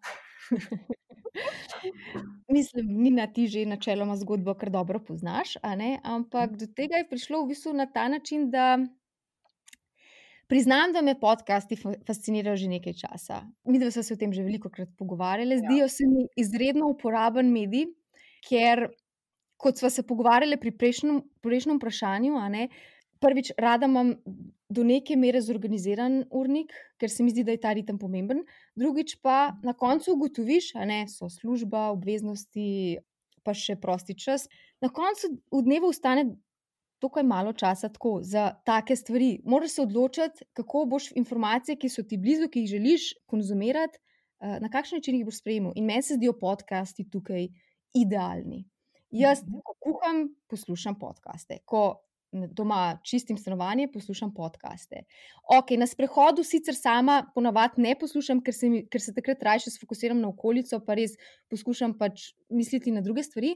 Ampak podcasti so stvar, ki se mi zdi, da jih, da, da jih lahko poslušamo kjerkoli, v avtu, na plaži, mhm. med tekom. In, in se mi zdi, da je to nekaj, kar je neprecenljivo, iskreno povedano. Ne, tukaj se itak strinjam s tabo, ker to, mi dve smo to res že tokrat pogo res pogovarjali, že ful velikrat in dejansko imamo tukaj zelo enako mnenje, da jaz tudi si spoh ne predstavljam več življenja brez, brez podcastov. Tudi preden sem začela svoj podcast uh, obsnemati in mhm. objavljati in pripravljati. Ne. Se mi zdi, da taka, ena taka ful dobra oblika nekega pasivnega nadgrajevanja osebne rasti, spoznavanja novih uh, idej, znanj. Pasivno v tem smislu, da lahko zraven delaš tudi druge stvari, da ne rabiš gledati telefon ali pa na televizijo, ja. da lahko zraven, kot si ti rekla, lahko pomivaš, lahko avto voziš. Jaz, za razliko od tebe, pa tudi včasih si želim, da bi delala tako kot ti, grem tudi na sprehod, če grem sama, si dam podcast v ušesa in pol ponavadi odplavam nekam in pridem na drugi strani mesta ven, čez rožnik, naprimer, tako se mi je zadnjič zgodilo. Ampak ja, jaz, meni se zdi, jaz jaz si svojih dni brez podcastov tudi ne predstavljam. Ne. Mhm. Zdaj bom jaz mal brutalno iskrena, pa bom kar povedala. Da jaz svojega podcasta verjetno ne bi izdala, definitivno ne decembra 2019, če ne bi bilo tebe. Oh. Zato, ker, ja, ker, lej, ker smo mi dve skupaj ugriznili tudi konec koncev v ta podcast svet in ga, začeli, ne, in ga začeli spoznavati, in tako naprej, in delali tečaje, in tako naprej. Uh, in lahko sem tudi uh, še bolj brutalno iskrena, meta, to se ti povedala, da bom povedala na glas, ker se mi zdi to pomembno. Uh, da Meta je zdaj uh, začela, z, iz, mimo grede, tudi Kozmopolitan ima svoj podcast, ne? tako da bom tudi polinkala v show notesih spodaj, pa lahko skočiš tja in poslušaš. V eni od epizod sem bila tudi jaz gostja pri Ana Mariji in je bilo full dobro in to je bila moja prva podcast uh, izkušnja. Um, tako da, ampak Meta je v bistvu to epizodo, ki jo zdaj poslušaš, najmen pogovor, ki je prvi pogovor na podkastu Lovim ravnotežje. Uh, dejansko mi Meta uh, montirala, oziroma pokazala, kako se dela montaža, ker jaz sem se malo izogibala teh pogovorov. Zato, ker sem rekla, da ne morem se še ene tehnike učiti, tako imam kulenih stvari, ki jih moram narediti. Tako da je Meta um, ful bila prijazna in spet prišla malo na okolje in mi pokazala, kako se to naredi. Tako da Meta, ful ja. hvala. Ste videli z veseljem. Sem ti pokazala, da montaža ni tako bavbav. Ne? ne, se to zdi, ker meni je bolj tisto, kar sem pomislila, o, spet moram eno stvar odkriti na novo. Tako manj mal, mal mi mrak na oči pade. To je kot bi gledala neke matematične izračune. Ni mi to, to, kar se enkrat lotaš, pa že poštekaš. Ja, ja. ja. Ne, ful dobro. In zdaj ta je podcast, uh, ja. kako, kako, kakšen imaš načrte? Uf, imam veliko načrtov. Sicer jih vseh še razkriti ne smem, ampak El podcast bo izključno namenjen temu, da bomo predstavili zanimive ljudi, vedno bojo pogovori. In dotika se bomo, tako kot se El, že brend kot tak, dotika različnih širokih tematik, se bomo tudi pri podkastu, bomo šli mogoče še malo bolj širše, ker imamo to priložnost. Tako da dotaknili se bomo od mode, ki je seveda za El prva pričakovana stvar, o kateri se bo govorilo, do lepote, umetnosti, kulturniki bojo gostje, tako da šli bomo res, res, res široko. No. Ne bi pa glih čist razkrila vseh gostov. Še. Ne, to boš pa razkrivala, ker bom zdaj itak jaz to dala mojim poslušalkam in jih bom ful povabila, da, da si uh, L podcast, pa tudi Kozmo, pa še mogoče kakšnega, ki ga bomo najdel v slovenskem okolju, a ne v prihodnosti. Da si ga date zraven, ker meni se zdi full fine, da podcast, uh, slovensko podcast, uh, vesolje raste, se razvija. Se je že prej, tudi preden smo mi dve, jih dali zraven, ampak vedno bolj. Uh, tako da se mi zdi, da je full fine in jaz si želim, da vsak najde nek podcast, ki, ki mu odgovarja v svoji mm -hmm. podcast knjižnici. In zdaj, v bistvu je še ena stvar, ki je mogoče še en aspekt tvoj, ne, na katerega ti, si tudi ti v bistvu vplivala v mojem vsakdanjem življenju. Ne? Um, sem rekel, da imamo mi da zmeto res poglobljene stvari in da v bistvu ena od drugih ful rasteva skozi te pogovore. In postajala boljše človeka, ne da so bile prej slabe, ampak še boljše. Um, je, pa je povezana tudi z L, ne? da zdaj v bistvu v aktualni številki L, ki je posvečena, je zelena številka. Ne? Ja. Uh, ja. uh, je v bistvu to tudi ena taka tema, ki je tebi ful, ful blizu. Ne? Vse, kar je tako trajnostna moda, m, okoljevarstvo, uh, tra, um, zdra, kozmetika naravna, um, prehrana, zdrava prehrana, ti si tudi, uh, mislim, tudi prehranjuješ se tako uh, zgledno, uh, skrbiš za, skr, mislim, te, te pomemben tudi ta del. Tako da meni je, na primer, pri tebi ful fascinantno, da sem jaz ogromno enih teh konceptov in um, in razmišljam ponotranila. Med drugim bom kar povedala, da sem zaradi tebe začela ločevati smeti in mi je fulno rodom priznati na glas, da je bilo to lansko leto. Priznam, ker sem bila eden od unih, ker pač nismo verjeli, da pač je to treba. In ja, guilty in si bila v bistvu ti tista, da si tako. Ampak tako fulno lepo s tvojim načinom, kar rečeš. Step by step, ne? ni treba vse naenkrat, ne rabiš 16 kant na, v enem yeah. trenutku da ja. podomivalnik, da začni s tolkimi. Ja, in sem ti ful hvaležna, ker zdaj sem ratala pa gestapo, kar se tiče ločevanja. Jaz sem rada podala, da sama, mislim, da ko smo se mi o tem pogovarjali, nisem bila gestapo. Ne, ne, ne, ne jaz sem gestapo zdaj ratala. Ja, ja, ti sploh ne, ti si bila ful nežna. Tako si prenežna. Ampak si dosegla svoj cilj, no? tako da ja. Ja, no, ampak ne, tra, ta trajnostni vidik je v bistvu tebi ful pomemben. Tudi to ja. v tvojem zasebnem življenju. V bistvu, ja, res je. To je tako nek tak notranji vzgib. Um, ta pogled na življenje se mi zdi pomemben, zato ker um, izhaja iz tega, da v bistvu vsakemu želim najbolje. In se mi zdi, da si vsak tudi zasluži najboljše. In da pač mogoče v tem trenutku družba ne deluje na ta način, da bi lahko vsi tako živeli. Uh, je pa to zelo, zelo, zelo kompleksna stvar. No? In dosti krat, ne rad, iskreno povem, Nina, se ti me dobro poznaš, ampak jaz te stvari ne rada po sebi izpostavljam. Ti si ne. zdaj to izpostavlja. Um, se tudi jaz... nočem, da greš v detajle, nisem te zaradi tega vprašala, boš razlagala. Ne, rada bi sam povedala, mogoče zakaj to ne rada izpostavljam, zato ker se mi zdi, da je to na nek način zelo intimna tema, ker vsi mhm. ljudje, mi dve imamo iskren odnos, pa ni problema, mi dve, mi dve lahko debatiramo o tem ure in ure. Ampak veliko ljudi, če se sam, sam mogoče dotakneš ene od teh tematik, ki se navezujejo na tak način življenja, ne, hitro mislijo, da hočeš njih prepričati, da morajo nekaj spremeniti. Pa to ja. sploh ni res.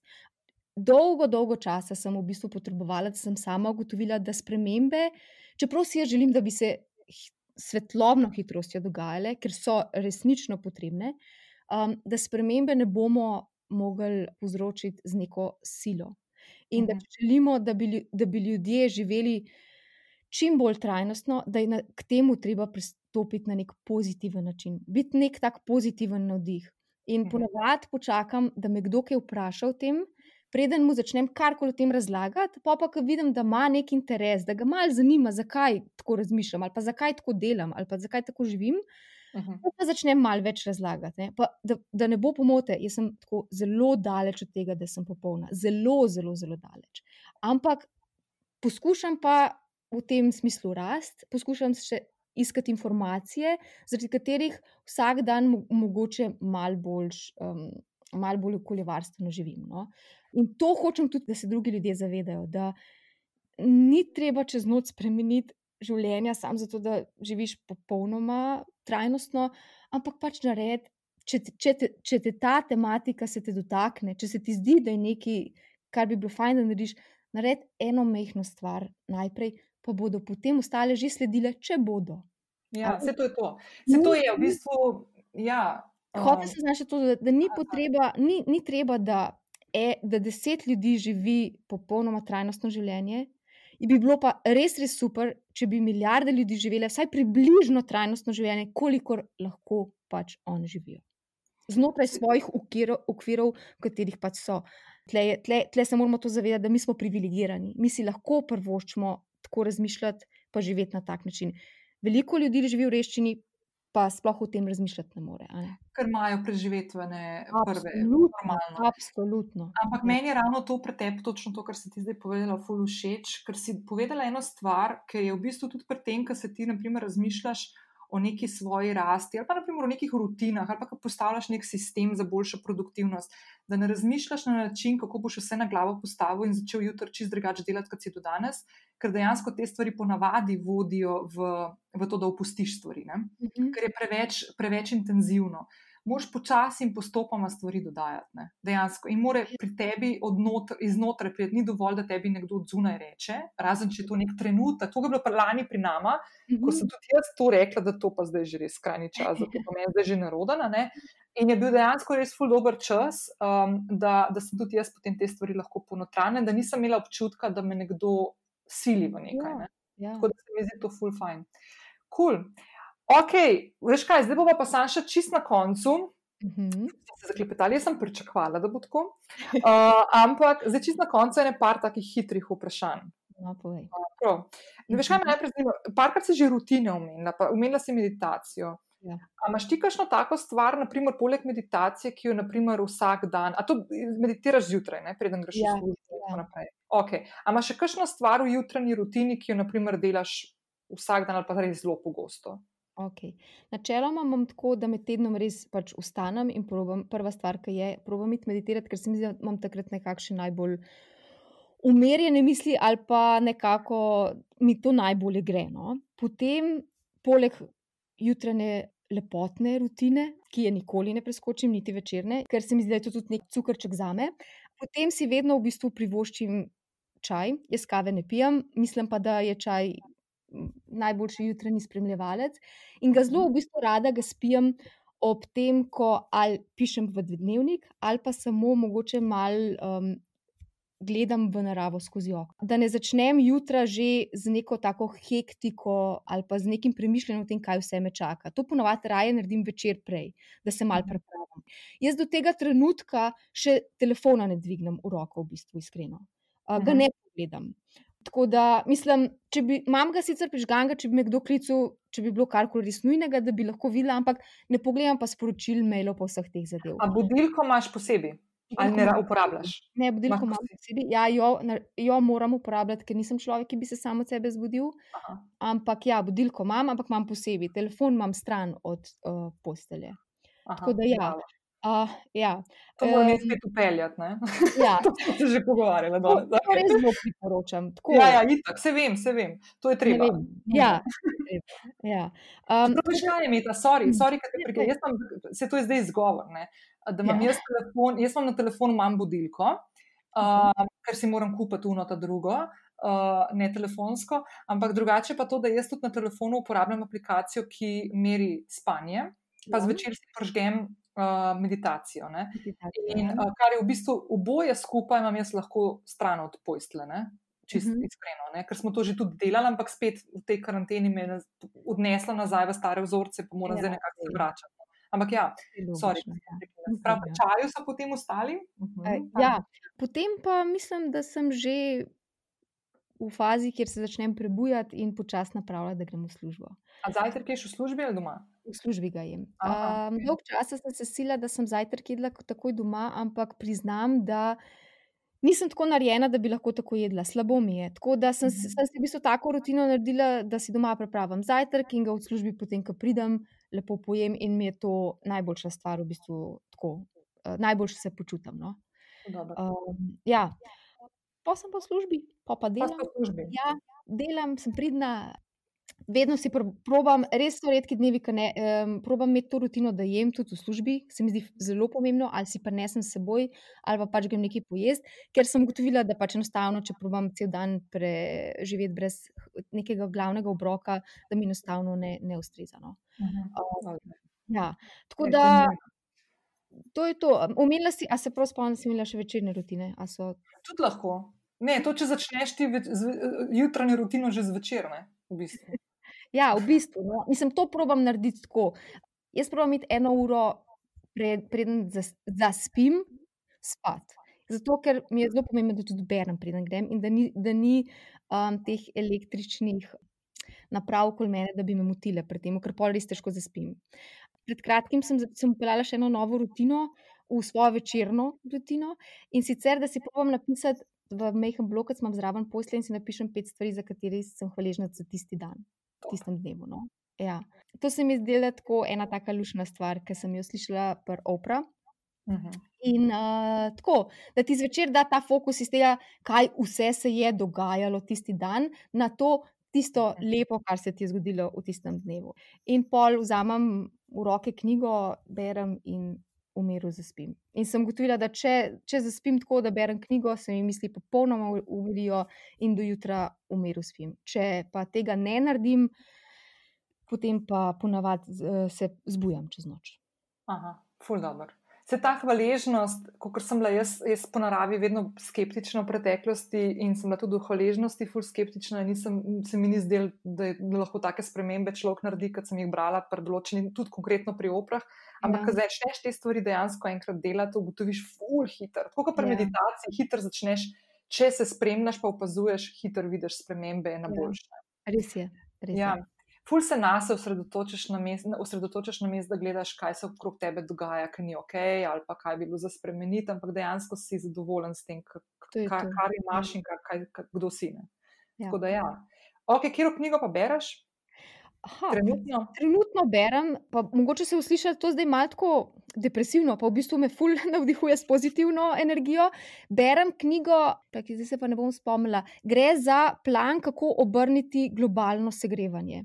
Dejansko obstaja, ja, uh, bo, bom ti poslala link, pa si lahko poslušalci, uh -huh. poslušalci od spodaj preberejo. Gre za to, da, da je ekipa znanstvenikom po celem svetu uh, zbrala dejansko konkretne raziskave in kaj bi morali v naslednjih 30 letih narediti, da bi dejansko ne samo ustavili globalno segrevanje, ampak ga z lahkoto tudi obrnili. In so, gre konkretno, če naredimo to, bomo prišparali toliko denarja, porabili toliko denarja in uh, iz ozračja vzeli toliko in toliko CO2. -ja. In je dejansko ne osredotočiti se na to, kaj vse je narobe, ampak se osredotočiti na to, kaj vse bi lahko naredili, pa tako z lahkoto naredili, in je v bistvu te na pozitivno uh, noto zaigra. In tako, res je zanimiva knjiga, tako da zdaj to prebiram. Oh, hudo. Ful dobro, ful, ful, v bistvu ful zanimivo branje za zvečer. Ne? Ja, sem mislila, da mi ne bo. Eh, Rajš tako leposlovje berem ponovadi zvečer, take stvari si pustim za kakšne popodneve, ampak tle me je pa zdaj to kar potegnilo noter, pa kaj še, kaj še, kaj lahko še naredimo. Ne, tako, zanimate. Mhm. Kje je pa tvoja nasploh, kakšna taka top knjiga, ki si v življenju naprimer, prebrala, pa bi rekla, uf, tole bi pa ful priporočala vsaki, da prebere? Ja, zdaj to sem prebrala ravno pred kratkim, kakšnim mesecem. Sem jo, po, mo po mojem, v par dneh celo prebrala, tako zelo hiter, ker je neverjetno me nagovorila. Ne bo pa, po mojem, nagovorila čisto vsake poslušalke. Um, Moš biti malo dovzetna za to. In to je bila sicer od Ekarta Toleja A New Earth, Aha, Nova okay. Zemlja. Zdi se mi, da. Jo podobno sem doživela kot to knjigo, ki sem jo prej omenjala. Sicer on razdela malo zakaj se svet obrača in vrti tako, kot se, ampak hkrati ponudi kup enih preprostih stvari, ki ti pojasnijo, kako te stvari mogoče malo obrniti, pa kako bi se lahko svet začel vrteti v lepšo, boljšo smer. Aha, to, to knjigo sem jaz tudi začela brati in mi je bila blaz, v angleščini in mi je blazno mhm. težka, tako da sem jo, mislim, da po 60 straneh dala mečken na stran, -hmm. ampak bilo, se bom pa vrnila k njej, ker je nisem mogla med um, karanteno prijeti v roke, ker mi je bila preveč intenzivna. Ja. Um, je pa to, da sem, da sem v bistvu uh, na, že na samem začetku knjige se spomnim, uh, kaj je on govoril, kako se v bistvu družba spremenja in kako določene uh, strukture um, nekako ne dovolijo, da se te spremembe dejansko izvedejo. On ne mhm. govori konkretno o nekih fultih spremembah, tako na, na ravni družbe, kako se prebujamo v bistvu. Ne? Mhm. Kako se nekateri ja. ljudje zavedajo tega, te svoje prebujenosti in grejo prek svojega ega, in kako drugi, kako drugi imajo še s tem malo težavo. In pa se zgodi ta COVID-19 in sem si mislila, ha. Mogoče je to proparkrat se spomnila, da mogoče je pa to tisto, kar je kar tole govori, da, bi ja, fajn, ja. da nas malo potisne v to smer, da iz tega ven pridemo fulbol um, odprti za neke nove modele družbe. Ja. Ja, ja. Krasno. Ok, kaj pa podcast, kakšen, ki ti je tako res kul, cool, pa ga rada poslušaš, um, pa se mu vračaš večkrat, naprimer, zato ker te napolne z neko energijo. Poleg tvojega. jo, hvala. No. Ja. to so zmenjene, ne da. Ja. um, zadnje čase me nekako najbolj nagovarja s tematikami s celotno energijo uh, The Rich Roll podcast. Ne vem, če ga poznaš. Ja, valjda. Ja, Rich okej. Roll, ja. Ja, valjda, ja. Tako, zdi se mi, da je en teh um, moder, um, sodobnejših ljudi, ki na tak pozitiven način spodbujajo družbo in ljudi v, v, v lepšo prihodnost. No? In tudi se mi zdi, da se do, tematik na ta način d- dotika. Ne, Um, veš, je ful dobro, da si ga omenila, ker jaz ga zdaj že dolg časa. Ga imamo v svoji podcast knjižnici, ampak že zelo dolg časa ga nisem odprla in on ima dejansko zelo dolge podcast epizode, mhm, ker ima vedno ful zanimive sogovornike. ja. Ne? Um, in meni je, kaj, veš, kaj meni pri njemu tudi všeč, da je tak um, moški, ki gleda zelo, zelo, zelo, zelo odprto na stvari. Mhm. Um, tako um, se mi zdi, da je taka, tak senzibilen. Je, no? To mi Ja, je se všeč.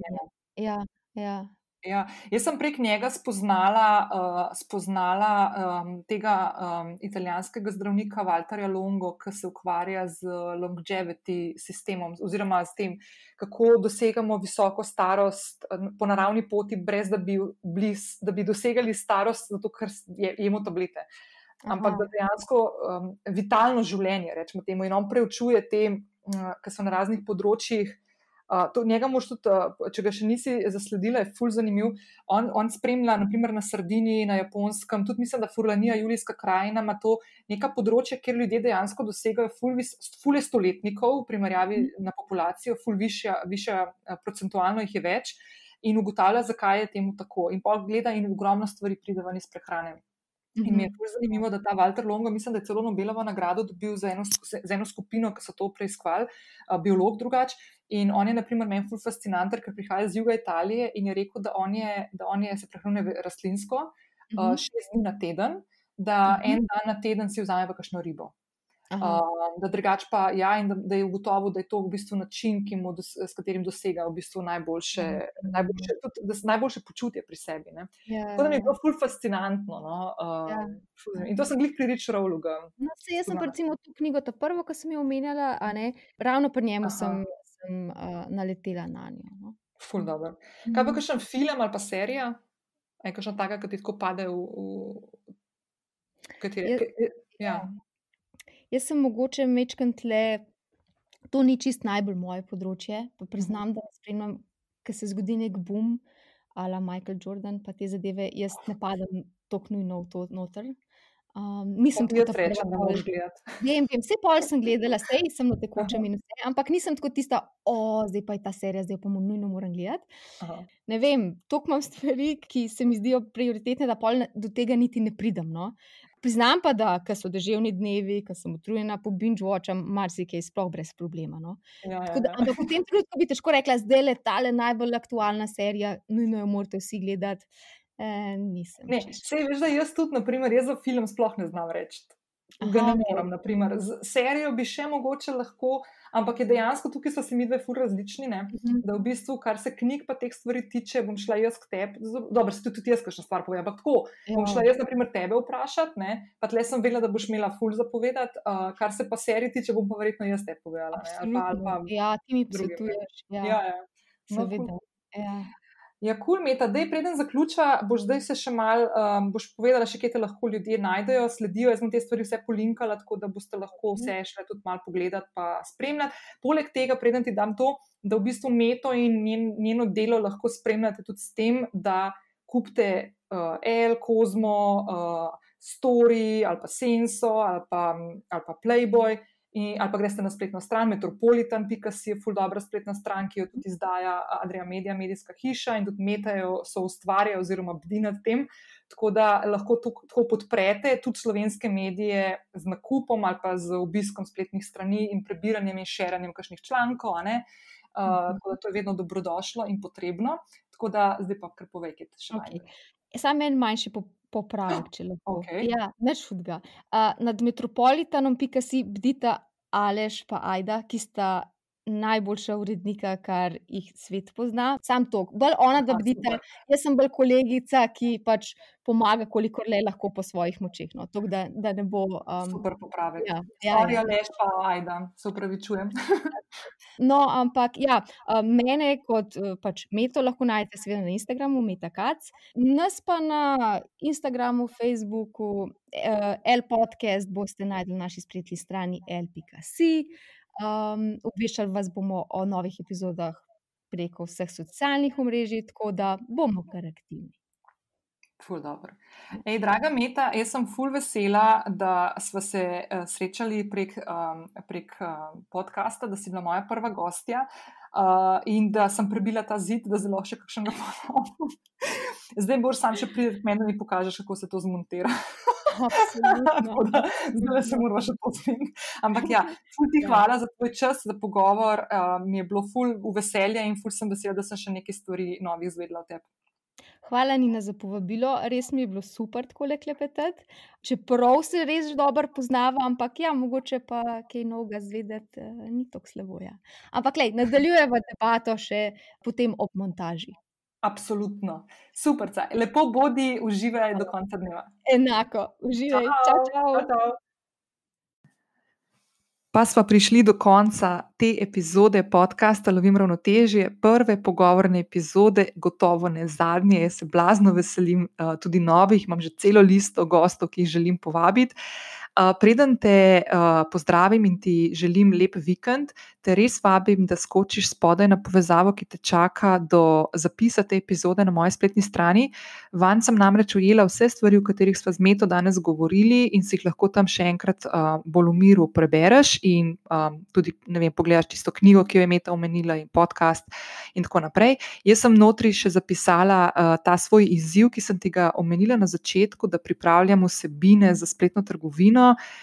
In uh, v zapisu te epizode te čakajo tudi načini, kako se lahko z mano povežeš in mi pošlješ tudi kakšno svoje vprašanje ali pa predlog, idejo, da vključim in da bo ta vsebina res, res odgovorila tudi na tvoje vprašanja in uh, misli. Uh, še eno stvar sem dala notri v zapis in sicer ta teden je bil res ploden. Uh, povezavo do podcasta Automat, ki ga izdaja in vodi uh, novinar in urednik, ki ga verjetno poznaš, predvsem z televizijskih zaslonov, in to je David Urankar. David me je namreč povabil uh, kot gostjo v njegov um, podcast, in v zadnji epizodi, ki je že na voljo tudi na vseh podcast knjižnicah, uh, govoriva o marsičem. Med drugim je David, kot izkušen in dober novinar, iz mene iztisnil tudi uh, eno zadevo, ki se mi je zgodila pred, mislim, da tremi leti, uh, ko je v Sloveniji uh, gostoval holivudski igralec Bill Murray, s katerim sem sedem let delala na projektu Slovenija Vodka. Uh, kaj se je zgodilo, kako smo se skregali in zakaj, lahko slišiš na Davidovem podkastu Automat. Zdaj pa res konec, bili smo dolgi, uh, to je čarobni svet podcasta, kjer si lahko vzameš malo več časa, ko imaš krasne krasne sogovornike, kot je bila da, današnja prva Meta Kač. Uh, imej lep petek in še lepši junijski vikend. Čau, čau!